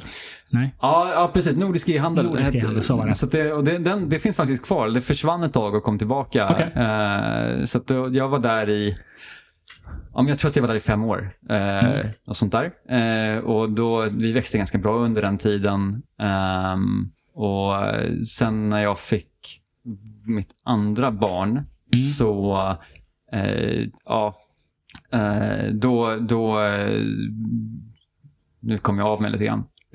Ingen stress. Eh, nej, men jag, jag var där i fem år. Eh, och, och sen när vi fick varandra barn då bytte jag jobb i alla fall. Och eh, Anledningen till det var att min, min exfru är amerikanska. Okej. Och vi hade bott i Sverige då i, i fem år. Och så var vi så här, lite grann i valt och kvalt vad vi skulle göra. Skulle vi åka till USA? Skulle vi, skulle vi vara kvar här? Skulle vi flytta till Stockholm och så vidare? Och, och då, mitt i det här liksom, kaoset, så fick jag ett erbjudande eh, om att börja jobba på IBM Mm. eh, på Irland. Okej. Ehm, och jag har ju aldrig haft liksom, någon relation till IBM eller till Irland som så, men det har varit liksom ett äventyr av det här och vi, vi intalade varandra att det här blir skitbra. Så Kul. att då drog vi eh, med en ett och ett halvt åring och en eh, sex veckors bebis Ja. och flyttade till Dublin. Häftigt. Hur, hur länge var, var ni där? Ja, två år nästan, Mm. eh, så drygt. Hur, hur var Ehm, det då? Nej, men det var, det var eh, spännande. Det var också en väldigt lärorik period eh, att jobba. Då hade jag jobbat i en, ett, ett litet liksom, startup kan man väl säga eh, egentligen. Eh, och så kom jag till ett av världens absolut största bolag. Eh, med, jag tror att på den tiden var de väl så här 400 000, tror jag. Något sånt där. Som ett litet land egentligen. Och då jobbade jag i Dublin som var europeiska högkvarteret. ehm, I deras liksom, säljcenter och började jobba med sälja mjukvarulicenser. Mm. Ehm, och men jag kunde ingenting eh, om det. Så det blev liksom en, också en brant inlärningskurva. Ehm, eh, och liksom en, jag fick en stor förståelse för ehm, alltså processer som måste till för att få en sån stor liksom, maskin att rulla. Mm. Ehm, och sen när man väl, liksom, för mig var det så att när, när, i början var det jättespännande och jättesvårt och jätteutmanande. Eh, och sen när jag väl hade liksom koll på vad jag höll på med, då blev det tråkigt väldigt fort. För att mm. man inser det att i ett sånt stort bolag, då är man liksom en väldigt liten kugge i ett yeah. väldigt stort maskineri. Och man har ett jobb att utföra, men man har egentligen ingenting utanför den ramen som yeah. man kan påverka eller göra någonting åt. Um, så att jag, liksom, jag fick höra den liknelsen av någon som jobbade där. Jag, jag tog till mig den. Uh, uh, han sa det att men det, här är, det här är ungefär som att jobba på Subway. Mm. För att du kommer in igen i, i, i Subway och så har du en som skär brödet, du har en som lägger på osten, du har en som fyller på läsken och en som yeah. tar betalt. Och killen som tar betalt kan inte börja skära osten plötsligt för då blir det fel i kedjan. Så yeah. du måste liksom bli väldigt duktig på att hälla upp din läsk. Uh. Eh, och det är det du kan mätas på. Um, och det, det, det ligger någonting i det. Uh, i, i, ett stort bolag så, så blir man liksom en, en, en, man blir väldigt duktig på en liten, liten smal del av yeah. allting. Och för mig så var det, det var någonstans efter två år där som jag kände att antingen så eh, är mitt steg att gå vidare liksom, i management liksom, på IBM och försöka kliva upp ett steg mm. och bli någon sorts liksom, första linjechef. Eh, och då vill jag ändå ha någon sorts, liksom, på fem år kanske jag blir andra linjeschef och liksom, efter det så, så kan det komma jättemycket bra grejer i ett, i ett sånt bolag. Liksom. Mm. Um, eller så, så var det dags att kliva av. Eh, och då kände vi väl det. Alltså, vi, vet, jag hade inga, vi hade väl inte rötter på Irland. Vi var långt mm. ifrån barnens föräldrar eller, bar, eller farföräldrar och morföräldrar. Och, så här. och då eh, i samband med det så fick jag ett erbjudande från ett eh, bolag i samma bransch men liksom återförsäljare i Stockholm. Okay. Eh, som var, det var ett jättebra erbjudande så då hoppade jag på det. Och så mm. flyttade vi tillbaka till Stockholm. Eh, All right. Sen visade det sig att det var om möjligt ännu tråkigare. jag, så jag okay. höll ut där i ett halvt år. Eh, men men eh, jag, jag, vet inte, jag, jag, jag, tycker det finns många väldigt duktiga människor som jobbar med mjukvara och, och licensiering. Uh. Det var inte mitt kall, mm. kan man säga. Jag, yeah. tyckte att det var stendött alltså. Uh. Så då fick jag faktiskt påringning av en gammal bekant som jag hade jobbat med från Nordisk e-handel-tiden Yeah. Som jobbade då på, på Payex som hade blivit köpt av Swedbank. Mm, um, som letade efter, efter säljare till sitt team mm. och frågade om jag var intresserad. Och då, det var liksom det lättaste beslutet som jag har tagit tror jag, i min karriär. Det var bara så här, ja absolut, när vill att jag börjar? Yeah. Uh, så att, uh, det, det var, då, då liksom Eh, jag, jag, tror att jag gick ner i lön, blev av med tjänstebilen, mm. eh, men eh, för själen så var, det, ja. så var det helt rätt ja, slut. Så otroligt viktigt det där. Man kan inte gå till ett jobb varje dag där man inte känner sig inspirerad och trivs. Liksom. Nej, vissa kan det och mycket respekt till dem, men jag ja. kan inte det. Ja, fair enough. Jag tänkte på det när du sa IBM. Där har vi ett exempel på det vi pratade om förut. Är det, är det bättre med en värld som domineras av big tech eller Eh, katolska kyrkan till exempel. IBM är ju verkligen ett exempel på ett teknologiskt imperium som ägde datorvärlden för några decennier sedan. Mm. Som sen tappade. Och nu är de det de är. Fortfarande stora och, och en intressant spelare. Men inte alls den dominanta kraft som de var en gång i tiden. Nej, men det är en jätteintressant historia tycker jag, mm. IBM. Jag, jag, jag, är verkligen inte expert på den, men, men att gå från liksom, eh, hårdvara och, och liksom dominans till att vara på randen av konkurs. Mm. Och eh, vad heter han, Gershwin som kom in och strukturerade om hela liksom, den här apparaten. Yeah. Och när jag var där så var det väl det var väl första åren med Ginny Rometty som vd och den stora transformationsresan som de inledde där, att man gick från att vara de gör ju jättemycket, men från, att vara liksom fokus på mainframe och middleware och de här liksom klassiska IBM-produkterna till mm. att så här, nu skulle de etablera liksom cloud, de skulle etablera analytics, och de, skulle liksom, de hade en sån himla eh, så, så, himla i efterhand snygg liksom, paketering av deras transformation. Yeah. Eh, extremt mycket internutbildning, extremt mycket fokus på nya tekniker. Det var ju då de började liksom, försöka lansera Watson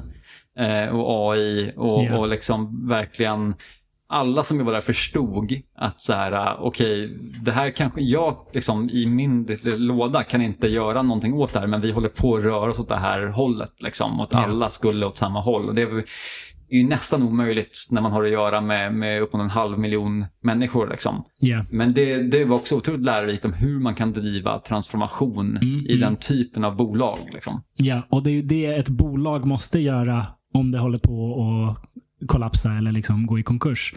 Till skillnad från en tyranni som, ja, av det äldre slaget som kanske blir mer och mer våldsamt, mer och mer kontrollerande. Skulle ett företag börja göra så, ja, men då skulle ju folk säga upp sig och, och investerare skulle backa av och, och så vidare. Mm.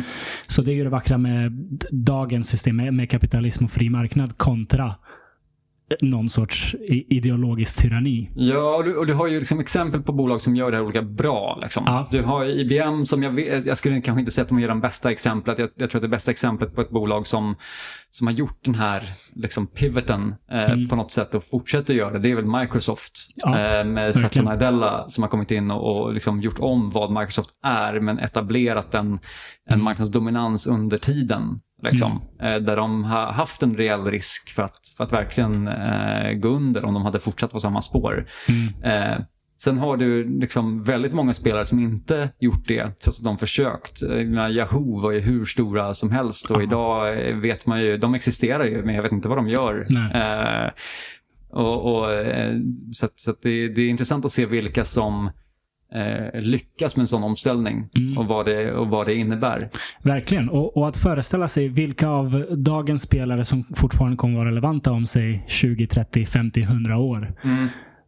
Och hur det kommer se ut om de inte är det. Säg Google, Amazon. Om de inte är de dominanta spelarna om om 50 år. Men Mm. hur har de tappat? Vem har, vem har tagit över det där? Det är ju ett sånt stort Ja. projekt. Jag, jag kommer säkert ha fel nu också på faktan, men, men jag läste någonstans, eh, jag tror att det var i, eh, vad heter han, han som är så, så eh, sk- skrivit Homo sapien och, och Ah, Yuval Harari. Harari, precis. Jag jag för mig att i, i hans tredje bok så skriver han någon del om att bolag som sådant har ju bara funnits i drygt hundra år. Mm. Liksom. Och det kommer jag ihåg var en sån himla liksom, mindfuck för mig. Att tänka på att allting som du vet, vi förhåller oss till och allting som är i vårt som vi interagerar med egentligen i vårt samhälle. Mm. Det, liksom för hundra år sedan fanns inte den här formen av organisation. Ja. Eh, det, det har liksom inte existerat på det sättet.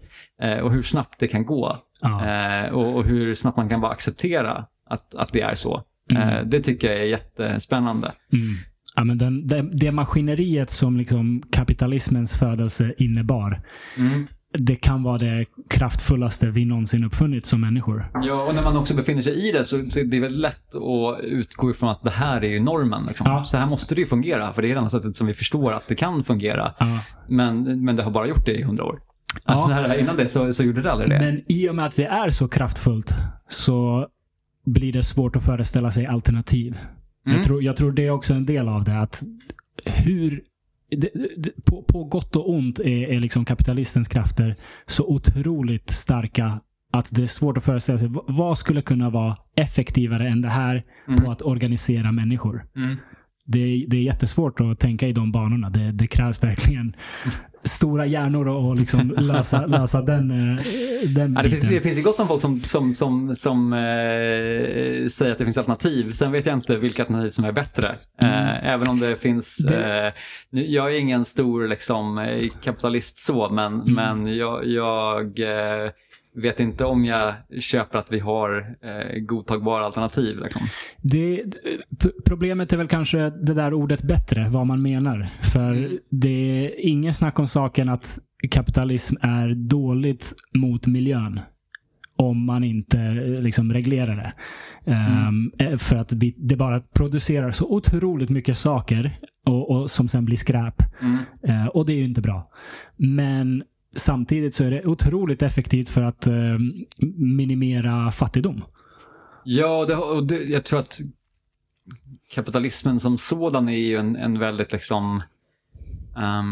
det, det, det är ett väldigt öppet begrepp som Mm. premierar värde på något sätt. Ja. Och sen så har vi haft en tendens att tillskriva att värde är lika med kapital och värde är lika med pengar. Och det är Mm. det som, som den är liksom satt för att maximera.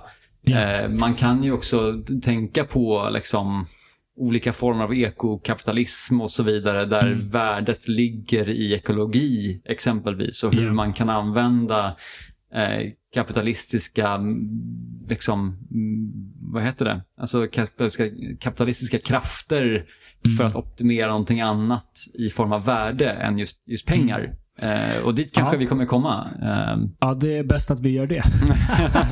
det känns som att det, det och sen så göra. vet man inte, är det bättre då? Liksom? Exakt, det är det. Eh, Det här med incitament är ju otroligt svårt att få till. Ehm, det- Det, det fina eller liksom effektiva med kapitalismen är någonstans enkelheten. Maximera vinst. Och gör man det med ett så snävt fokus i, i ett par hundra år, ja då, då kan man uträtta helt galna saker. Vi, Mm. vi har liksom turister i rymden nu. Det, det är absurt.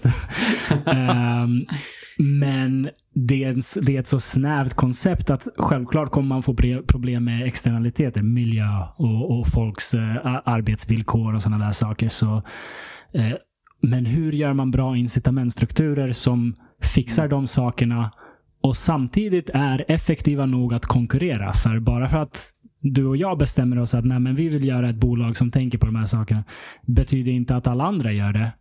Och vi alla konkurrerar med varandra. Så det är, Mm. det, är Ja, ja, nej, det svåra absolut. kommer in. Absolut. Och vem ska då sätta dem? Är det, är det stater? Är det någon FN-organisation? Vem, vem ska liksom sätta de här riktlinjerna som siktar in kapitalismen åt rätt håll?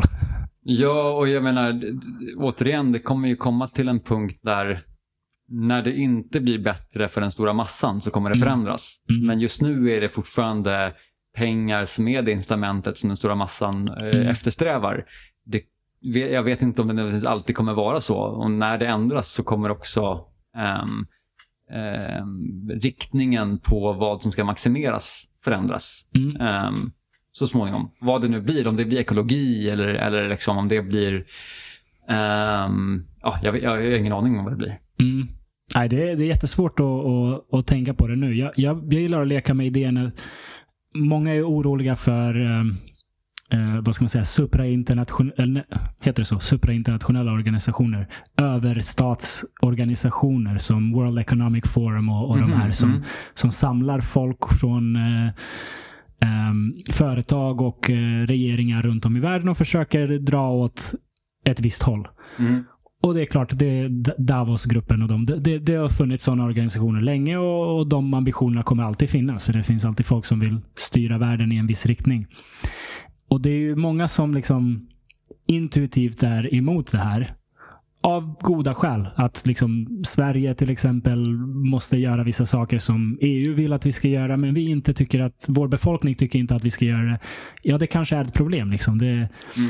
men samtidigt gillar jag att leka med tanken att om vi spolar fram 100-200 år och kollar tillbaka, kommer vi se på det här som de som kämpade emot nationalstaten? Ja, För nationalstaten var inte alltid en given nej lösning. absolut. och det var folk som tyckte att Nej, men jag vill ha mitt lilla kejsarrike och kungadöme. Och, och så fortsatte de här kejsarna och kungarna kriga mot varandra. Och idag känns det som att det är en självklarhet att nationalstaten är bättre än att ha en massa små kungadömen som hela tiden krigar. Kommer vi om 200 år kolla tillbaka och säga men de här små nationalstaterna som höll på att liksom kämpa mot varandra helt i onödan. Vad onödigt det var nu när vi har en global organisation. Ja, alltså jag, jag, jag tänker också att så här, ska, man, ska man egentligen... Om, om man nu, om man nu liksom säger att miljön är en sån fråga som vi kommer behöva ta ett grepp, eller kommer behöva, behöver ta ett grepp kring och göra någonting åt. Mm. Liksom, då är ju det ett väldigt svårt problem med, med just eh, individuella självägda stater. Mm. Så att jag menar, det finns ju ett så här... äh, Ett, ett, ett, jag vet inte om det är ett dröm eller mardrömsscenario, det beror på, på var man är någonstans. Men det finns ju någon sorts liksom, scenario som kommer allt närmare med att i princip Kina kommer köpa världen. Liksom. Eh, att med, med tanke på liksom, hur, hur pass liksom, eh, stor del av jordens resurser de äger och, och hur stor del av jordens kapital de kontrollerar Mm. så, så eh, kan det också vara en tidsfråga liksom, förrän, förrän eh, Kina eller någon typ av liksom, federation är en liksom, globalt Mm. styrande del.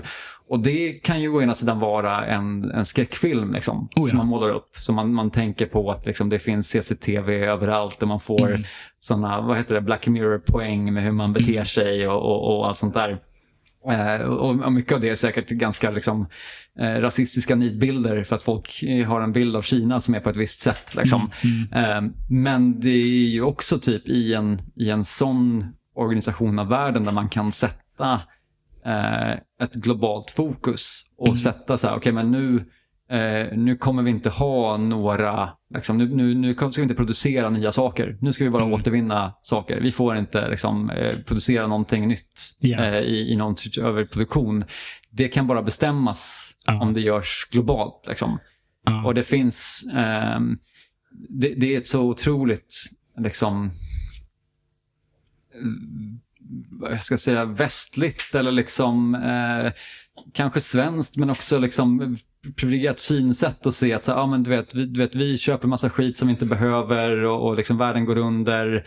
Mm. Um, men för den liksom, fabriksarbetaren i Kina som bygger fidget spinners, det är ju hans levebröd. Liksom. Yeah. Hade det inte funnits fidget spinners så hade han fått liksom, gå på risfälten. Det mm. gör ju liksom en, en aktiv skillnad i hans liv. Eh, mm. att, att vi samlar på Pokémon. Liksom. Ja. Eh, och då är det så här, okay, vi ska göra avkall på vår konsumtion, men det är också så här, det är de som också gör avkall på sin livsstil om vi slutar konsumera. Yeah. För då, då, finns det ingenting att producera och då finns det ingen ekonomi som, som lyfter liksom, unskilled labor i, i världen mm. på något sätt. Så det finns både positiva och negativa aspekter av den här liksom, produktionen i världen. Verkligen, verkligen. Eh, och det är väldigt lätt för oss att säga att den är dålig, men mm. det är för att det är lätt för oss att tacka nej till den. Liksom. Mm. Ja, det är intressant. Jag, jag, tycker Kina är ett sånt intressant exempel också på det vi pratar om med centraliserad makt. Och både fördelarna och nackdelarna. Det, det finns en bok som heter AI Superpowers. Um, jag kommer inte ihåg vad författaren heter, men han går igenom eh, vissa miljöinitiativ eh, som runt Obamas, eh, när Obama var president. I Kina så bestämde man att eh, man vill satsa på grön el, tror jag det var. Innovation inom grön energi. Mm. Så, något sånt var det. Så man gjorde ett statligt stipendium att folk kan ansöka och få pengar för att utveckla innovera ny grön energiteknik. Eh, och du vet, tusentals bolag eh, fick det här, de här pengarna. Och av de där tusentals så var det 90% som inte gjorde någonting vettigt. Men de där 10% som gjorde någonting vettigt över åren, det, det var så viktigt. Det var så viktig eh, liksom, teknik och innovation att det var värt investeringen. Och samtidigt gjorde Obama en liknande push i USA där han också ville ha ett statligt eh, stipendium för grön energiteknik. Införde det och inom du vet, 30 minuter så kom Republikanerna och eh, eh, började svartmåla det här. Ja. Och så fort första bolaget som fick stipendium konkade eller gjorde något dåligt med de här pengarna så bara smälldes det upp på politiska kampanjfilmer. Mm. Och USA drog tillbaka det här programmet. Så ja. där har man liksom fördelen med att vara i en centralstyrd eh, eh vad ska man säga, ty tyranni där man kan bara säga nej men det här är vad vi gör, punkt. Mm. Och så över, över, tiden så kommer den investeringen löna sig. Men sen samtidigt så införde de en så one child policy som nu gör att de håller på att gå igenom en demografisk kollaps för att de har inte tillräckligt med kvinnor och det görs inte tillräckligt med barn över, överlag. Mm. Så där har man både liksom fördelar och nackdelar med att ha så centralstyrt som, som man har det i Kina. Ja, men det, det, finns väl gott om exempel i historien med, med liksom beslut som tagits med hela handen som Aha. fått eh, både positiva och negativa konsekvenser. Mm. Jag menar, Kina har väl sin, sin beskärda del Aha. av dem på sin, i sin historia. Liksom. Verkligen. Um, men det där är ju, jag tycker det där är intressant och det är svårt. Och jag menar, det, det är en, nu kommer jag tillbaka till lite grann min, min uppväxt och sådär. Jag menar, det, det, som, det som min pappa jobbade med och det som, mm. det som jag såg väldigt mycket i, i Zambia när jag växte upp, det var ju just att eh, han jobbade för, för projekt som drevs av biståndspengar. Mm. Eh, och det, det eh, var alla möjliga olika saker. Det handlade om att eh, ja, men framförallt att stimulera liksom, ekonomi på eh, landsbygden. Yeah. Så det kunde vara eh, eh, alltså, antingen att här, bygga, bygga brunnar för att kunna liksom ha vatten tillgängligt för att öka liksom renlighet och, och, och eh, liksom civilisera, det låter fruktansvärt, eh, byar. Mm. Eller att bygga liksom marknadsplatser där människor från flera olika distrikt kunde komma in och sälja varor för att skapa någon typ av liksom ekonomi eller, eller fördelning. Eller bygga bättre vägar eller någonting sånt där. Och allt det här när det görs med biståndspengar görs utifrån en Speciellt om det är svenska biståndspengar, men det här gäller väl överallt. Det, det kommer ju från en liksom, svensk värdegrund när man gör det här. Yeah. Så då kommer det in och så ska det vara så här, men då, då ska vi liksom premiera, och det, och det här är inte fel, liksom, men, men, men, då ska vi premiera ett gendertänkande i det här, då ska man premiera mm. att det, att det, liksom, det görs inom liksom, kooperativt ägande, liksom, man applicerar de här liksom, socialdemokratiska idealen på de här projekten man bygger. Um, och, och eh, jag menar, den sorgliga sanningen är att ingenting funkade. Alltså så här, mm. det, det, det, funkade jättebra så länge det fanns någon som stod med en påse pengar och mm. gav incitament för att folk skulle göra såna här saker. Men så fort det incitamentet försvann och det skulle ägas liksom av själva så föll det bara ihop. Liksom. Mm. Eh, för att det, har inte drivits av de som påverkas av de här besluten. Yeah. Utan det drevs liksom från oben. Och ska man, ska man göra det, då måste man göra det hela tiden. Eh, mm. Men det blir inte självgående. Ja, oh, gud, det där är så svårt. Det måste ju komma liksom från grunden upp.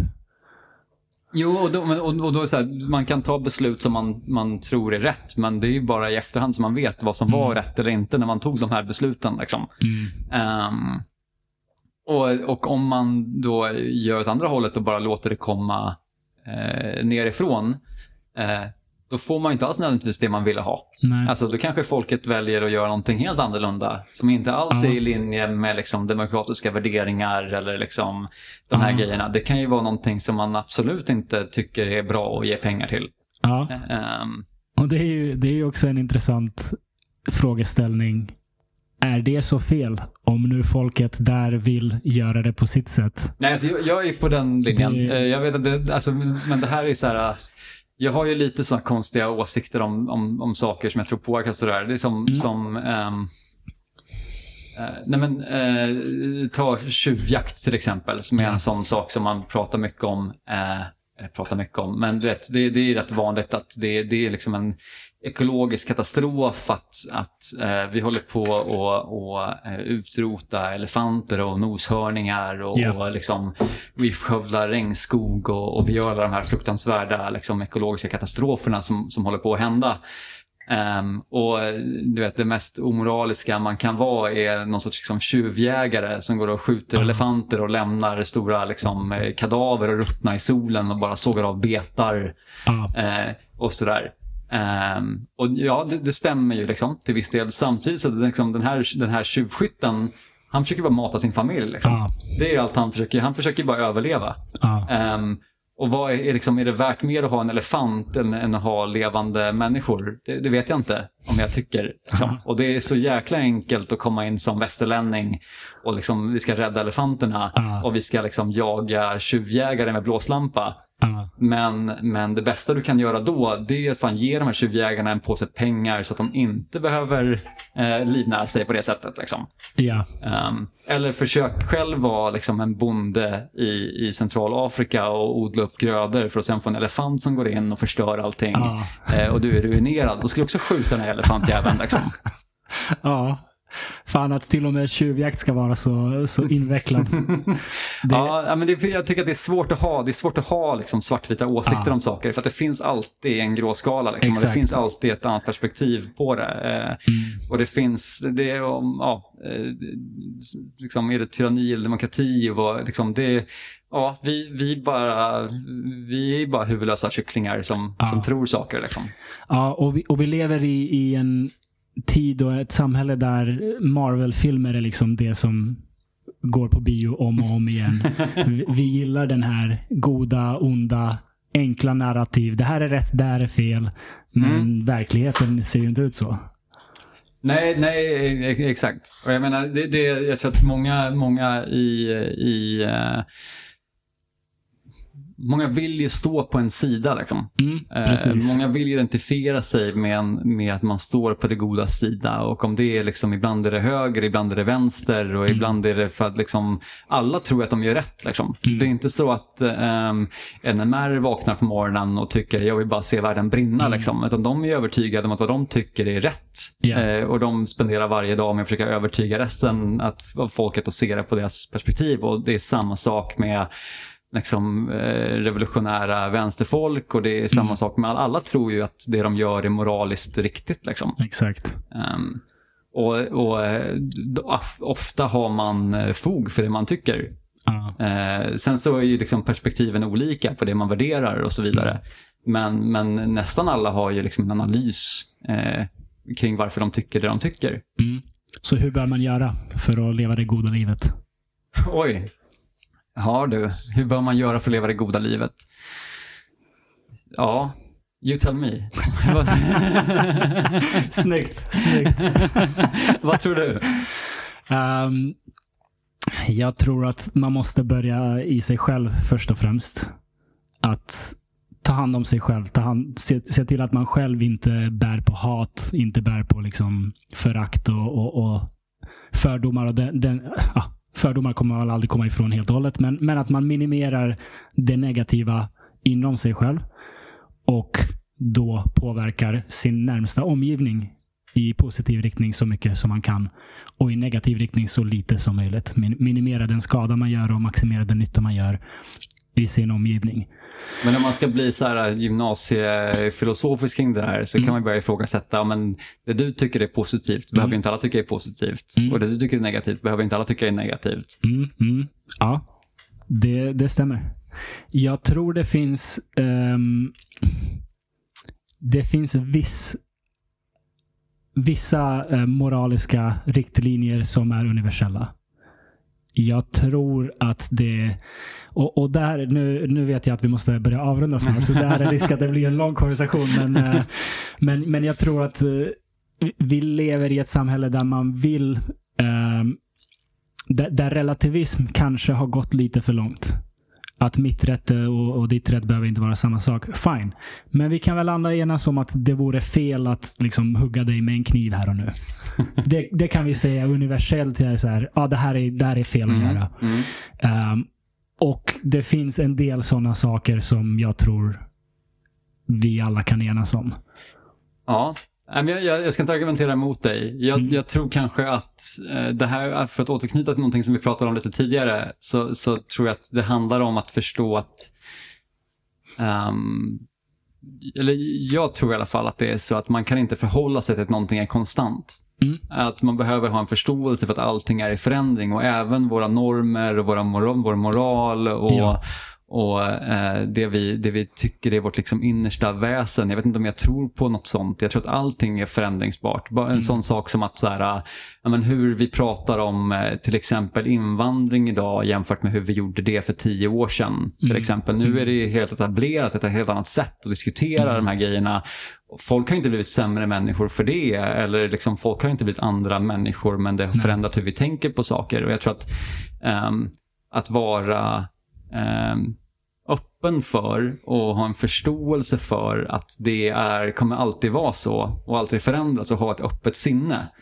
Eh, och jag, jag, liksom, jag, jag tänker att eh, om jag ska definiera mig själv som någonting så är jag i alla fall inte konservativ. Liksom.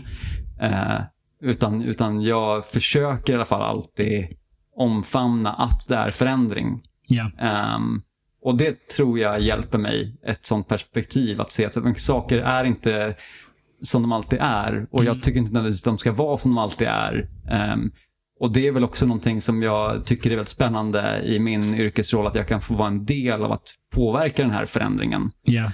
Ehm, och det, det, det tycker jag är kanske, för mig, en nyckel i alla fall. Mm. Ja, men det låter som en eh, snygg punkt att avrunda samtalet på tycker jag.